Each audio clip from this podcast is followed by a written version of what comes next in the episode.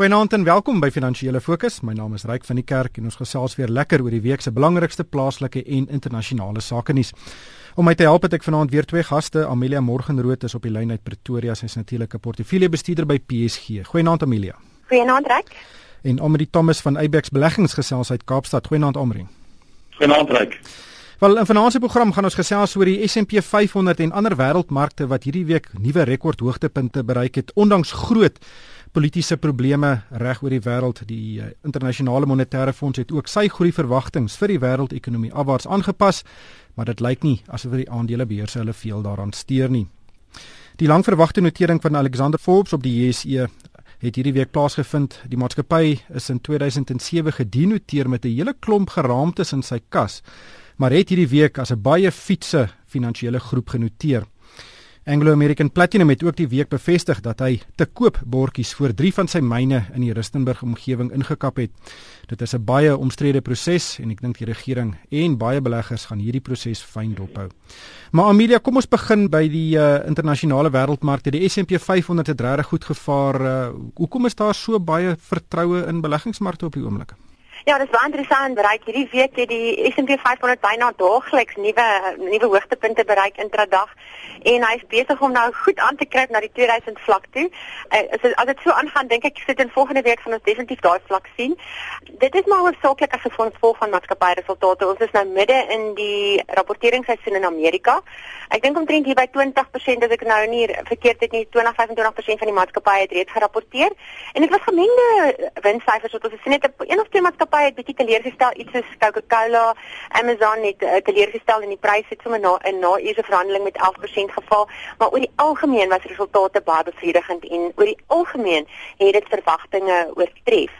So wat dan gebeur is, ons is terug na die mikro-ekonomiese faktore wat markte dryf en dit is maatskappyresultate en wat met maatskappye gebeur. En dit is so markte eintlik behoort op te tree, né, is om gedryf te word deur wat maatskappye doen. So wat er gebeur op die oomblik in die markte is dat makro-ekonomiese faktore totaal en al geïgnoreer word. Dit maak nie eintlik saak wat in die, die wêreld aangaan nie. Geopolitiese onstuimigheid word totaal en al geïgnoreer. Die feit dat Rusland en Oekraïne moontlik 'n soort van 'n nog erger sanksies oor hulle hang uh, word totaal geïgnoreer. En die gevoel is eintlik dat dit plaaslik gaan bly die effek daarvan gaan in Rusland bly. Kom ons sê byvoorbeeld daar word nou nog ernstige sanksies teen hulle ingestel. Is eintlik wat wat die mark vir ons sê is dat hulle nie bekommerd is dat die effek daarvan gaan uitsprei na ander lande toe en dat dit dat dit hulle maatskappye gaan beïnvloed nie. Maar presies wat Amelia nou daar sê. 'n Dekade gelede as ons gesien het wat nou in die Oekraïne gebeur en wat in Israel gebeur, sou 'n baie baie groter impak op wêreldmarkte gehad het as wat dit vandag die geval is. Hoekom is dit so? Ja, absoluut. Ryk, uh, ek dink dit gaan nou tye as daar iets in Zimbabwe gebeur het, was ons markte geaffekteer.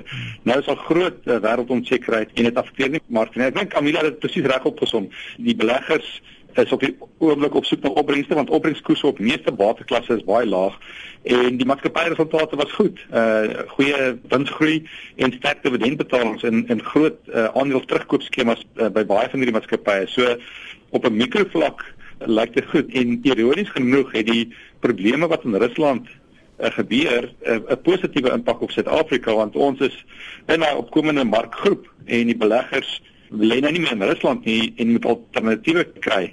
En Suid-Afrikaanse markte is baie hoog op in oorsese beleggers se aanslag in terme van maatskappybestuur, uh, corporate governance so en ek dink ons het ook gesien in die week dat die rand weer hier by die 10.50 na te versterk het. Ek dink 'n gro groot deel daarvan is dat ons weer buitelandse kapitaalvloeye terug in ons uh, mark plaaslike mark sien. Hmm.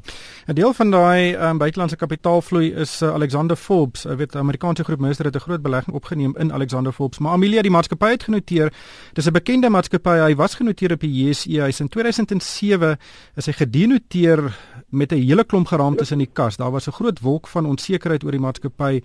Hy het egter in in 7 jaar homself reggeruk en is 'n baie aantreklike finansiële dienste beleggingsopsie nou. Wat dink jy daarvan? Absoluut. Hulle en hulle tydsberekening van die tering was absoluut briljant geweest. Op hierdie stadium uh, die markte is baie hoog en 'n groot deel van hulle inkomste word natuurlik uh, of hulle netto batewaarde en hulle inkomste word grootliks bepaal deur die vlakke van die mark, né, want hulle neem tog ook 'n persentasie fooi op die bates onder bestuur. So ek moet hulle punte gee vir hulle tydsberekening en hulle het teen die regte prys ook gedoen. Die prys waarteen die aandele beskikbaar was in instansies vooraf was R7.50 So hulle daar so 'n bietjie ruimte gelaat vir beleggers om ook 'n winsie te maak. Die noteringsprys was R8.10 en het afgesluit op R8.41. En iets wat ek ook gesien het wat nogal baie wat ek baie van hou van die maatskappy en dit is dat hulle aan aan die personeel aandele uitgereik het. 3.2 miljoen aandele was aan personeel uitgereik en as jy gaan kyk na die wins wat dit in hulle sakke bring gemiddeld per ehm um, per werknemer is dit R8400 en ek dink dit is ook positief, jy weet, so hulle koop daardeur ook die loyaliteit van hulle van hulle werknemers. Hmm. Amri, weet Alexander Forbes is nou die die 11de maatskappy wat uh, basies in 7 maande op die JSE noteer. Dink jy daar's 'n uh, wel dit lyk asof daar 'n hernieude belangstelling is om op dit op die JSE te wees? Ja, ek ek, ek dink dit is 'n resultaat van die hoë markaanslag wat op die oomblik op ons mark heers.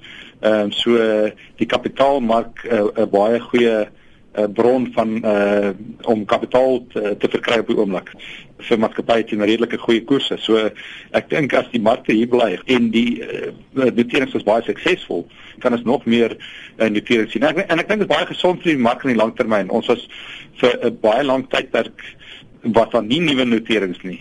En ek dink dit is gesond om 'n uh, bietjie die mark opsies te verbreek in terme van waar mens kan belê. Ehm um, Amre, bly sommer by jou Anglo American Platinum het hierdie week gesê hy gaan nou regtig sy sy platinum myne in die Rustenburg omgewing uh, verkoop.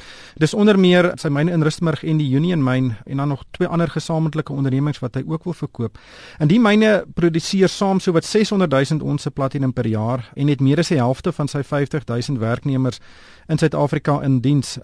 Dit is nie onverwags nie, maar hierdie proses gaan 'n baie baie groot politieke impak hê op hoe die regering en buitelandse beleggers na mynboubedrywighede veral in die platinumbedryf gaan kyk? Ja, ek ek dink dit gaan 'n toetsaak wees. Um, ek dink dit soos jy reg opgemerk het, ek dink dit gaan 'n baie moeilike en lank en uitgerekte proses wees want uh as jy nou kyk wat is die volhoubaarheid van van daai myne oor tyd gaan mens die werksmag uh, moet verminder. Nou Anglo Platinum sê hulle het nie planne om dit te doen nie. Hulle wil dit verkoop of vennote inkry wat net die uh, beter fokus op die myne en, en beter produksie uitkry. Maar daai is hoë koste myne en 'n groot deel van die koste is is is die werksmag. So oor tyd gaan uh, kostes uitgeneem word. So ek dink dit gaan 'n moeilike proses wees. Dit gaan dit is 'n groot cheque wat iemand gaan moet skryf.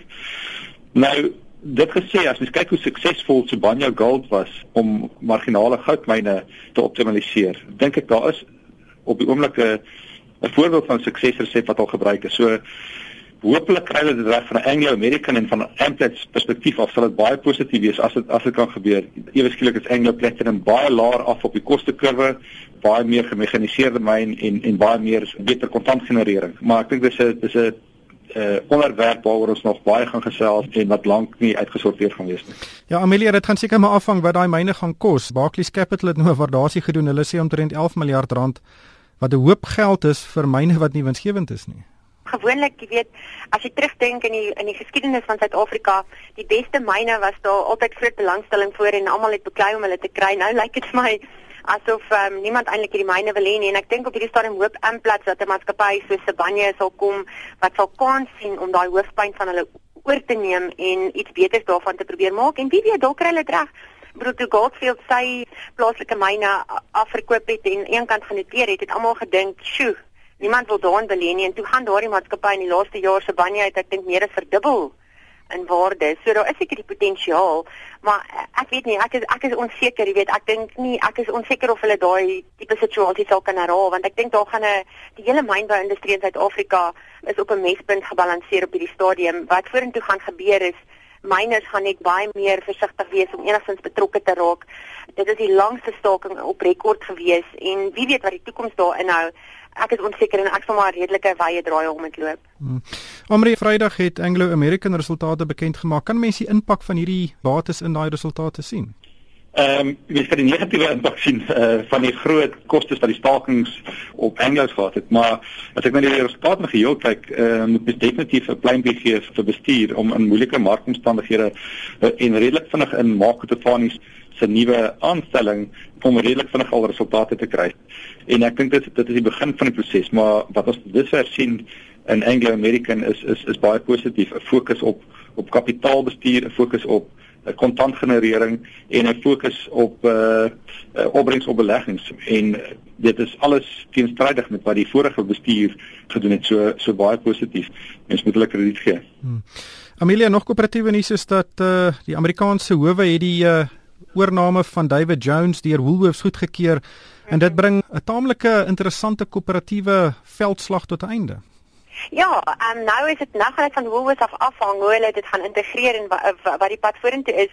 Ek dink op hierdie stadium is die algemene gevoel in die mark om eers versigtig te wees vir Woolworths se aandele want nou moet ons eers sien dat daar's 'n koste, nou daar was natuurlik 'n redelike koste etiket aan hierdie hele transaksie gewees en dit is nou vir Woolworths om te wys dat hulle dit kan absorbeer en suksesvol vorentoe vat. Ek dink dit gaan moontlik vir hulle wees, maar ek dink die eerste jaar of so gaan dalk moeiliker wees en hulle gaan nie die nodige voordele wys in hulle resultate nie. Ons sal dit dalk vorentoe sien en ek dink in die toekoms gaan ons dalk kruis weet produkte sien wat ons nie voorheen gesien het op Woolworths se rakke nie en dit gaan lekker lekker wees en Woolworths het 'n baie spesiale besigheidsmodel wat baie suksesvol is in Suid-Afrika. Maar vir eers dink ek um, ons sal eers wil sien of hulle dit op 'n winsgewende manier kan vorentoe vat. Ja, Amri, maar dis 'n reuse transaksie vir Woolworths. Dit is uh, meer as 'n derde van sy uh, markwaarde. Ja, en die, die prys het natuurlik gegroei oor hulle nou uh, die country road uh, minderhede ook moes uitneem. Hulle hulle gaan 'n addisionele 12 miljard rand moet uh, uitgee. So uh, dit is 'n wesenlike of, of of skuld moet opneem. So dit is 'n wesenlike skuldlas wat ook uh, hulle mee opgesal is. Maar ek dink dis een ding wat ons nou sien wêreldwyd uh, ryk met rentekoerse wat so laag is is daar groot insentief vir maatskappye om ander maatskappye te koop want die koste van finansiering so laag. So ondanks die hoë prys wat Woolworths betaal, Eh, gegee die lae finansieringskoste as hulle bietjie operasionele vordering maak, gaan hulle hulle rentekoste kan kan dek en en hierdie skuld begin af, afbetaal. So dit kan oor tyd wys dat dit 'n baie goeie transaksie was, maar ek dink daar's baie water wat nog in die see moet loop en dit is natuurlik twee verskillende geografiese areas, so dat ek dink dit gaan gaan moeilik wees. Die een voordeel is natuurlik dat een mooier nou hoe is die CEO 'n lank country road se se uh, hoofuitvoerende beampte was en hy ken die mark, hy ken David Jones, hy ken country road en hy het 'n baie indrukwekkende geskiedenis ook hmm. gehad met uh, hier in Suid-Afrika met met Woolworths wat hy tot dusver bereik het. So ek dink op die oomblik gee beleggers hulle krediet vir, vir wat hulle gedoen het, maar hulle gaan moet resultate wys op hierdie uh, aankoop in die, in die nabye toekoms. Interessant genoeg, die media het nogal 'n groot uh, weet atmosfeer probeer skep met die konflik tussen Ian Moyer en Solomon Lew, natuurlik die Australiese miljardêr wat so in hulle slaai gekrap het daar. En ek het vroeër die week met hom gesels en toe het hy kategories gesê hy het nog nooit uh, vir Solomon Lew ontmoet nie en dat hulle nog net 'n professionele verhouding gehad. Hy verstaan nie waar hierdie die media berigte oor die konflik vandaan ja, kom nie. Dis tipies van die media hoor. Hulle kan 'n ding redelik opblaas en onthou hulle moet koerante verkoop en hulle moet berigte verkoop. So, so hoe meer sappig stories is en hoe meer interessant dit klink. Ek sien ek bedoel die Louis het self die voorblad van die Finweek gemaak. So dit is alles maniere om om vir die media om hulle berigte te verkoop en dit skep natuurlik baie belangstelling, maar dit is eintlik 'n goeie ding dat Solomon Leo weg is uit die prentjie want dit was meer as 'n dekade lank wat hy eintlik in hulle slaai gekrap het en hulle planne de mekaar gekrap het. So ten minste kan hulle ja. nou vorentoe gaan sonder hom. Ja, blameer maar die die media, dis altyd onskuld. Ja, maar die die ergste van hulle almal uh, ryk die eerste van al almal is hierdie radio omroep. Ek weet nie of jy hulle al gehoor het nie. Ehm um, hulle is veral erg. Ehm um, terwyl ons nou uh, tongenetjies is uh, Amelia um, Kailami die renbaan daar in Midrand is verkoop vir 205 miljoen rand deur Toby Venter, hy's hoof van Porsche in Suid-Afrika. Dit is uh, die grootste veiling van sy soort ooit wat nog ja. gehou is en uh, dit is bly om te sien dat mense hier dan nog bietjie filantropiese bloed in hulle en dat hulle sulke bates vir Suid-Afrika wil beskerm. Ja, en ek dink um, dit laat almal se harte so 'n bietjie lekker warm klop dat Kyalami steeds gaan voortbestaan. En ek het bietjie gaan lees oor die oor die hele transaksie. Dit is nogal interessant. Daar was net 7 beers gewees. Daar was geweldige belangstelling en die saal was vol gewees. Maar slegs 7 mense het geregistreer. Dit het 4 miljoen rand gekos om te registreer as 'n beer. En ek het gesien 3 van die B's was in die motorbedryf en 4 of 4 was in die motorbedryf en 3 was eiendomsontwikkelaars. Daar was stories gewees vooraf dat Kyalami soveel as 300 miljoen rand kan behaal as 'n ontwikkelaar dit natuurlik koop en die hele plek opdeel en want dit is in die daar in die middelpunt van groot residensiële ontwikkeling ook, so daar was die moontlikheid dat dit kan gebeur, maar ek dink almal is baie bly dat uh, Kyalami gaan voortbestaan en dat die baan basies gaan voortbestaan. Maar almal wonder natuurlik of ons in die toekoms nog groot renne daar gaan sien, maar ek het gelees dit kos iets so 600 miljoen rand om 'n groot ren daar, weet 'n internasionale ren daar te hou. So ek weet nie of dit dalk in die toekoms weer gaan gebeur nie, maar dit sal interessant wees om te sien hoe presies Porsche dit gaan verder ontwikkel. Ja, dit sal baie interessant wees inderdaad. Ek het met uh, Toby Venter gesels en hy het ook gesê dat Suid-Afrika sal nie weer 'n Grand Prix sien nie, ten minste nie op die kort tot medium termyn nie. Um, Waar is dit? Ja. ja dis net ja. te duur. Maar ongelukkig hierdie tyd ons ingehaal. Baie dankie aan Amelia Morgenrood van PSG en Omri Thomas van Abex Beleggings en myself Ryk van die Kerk. Dankie vir die saamluister en ek hoop almal het 'n winsgewende week.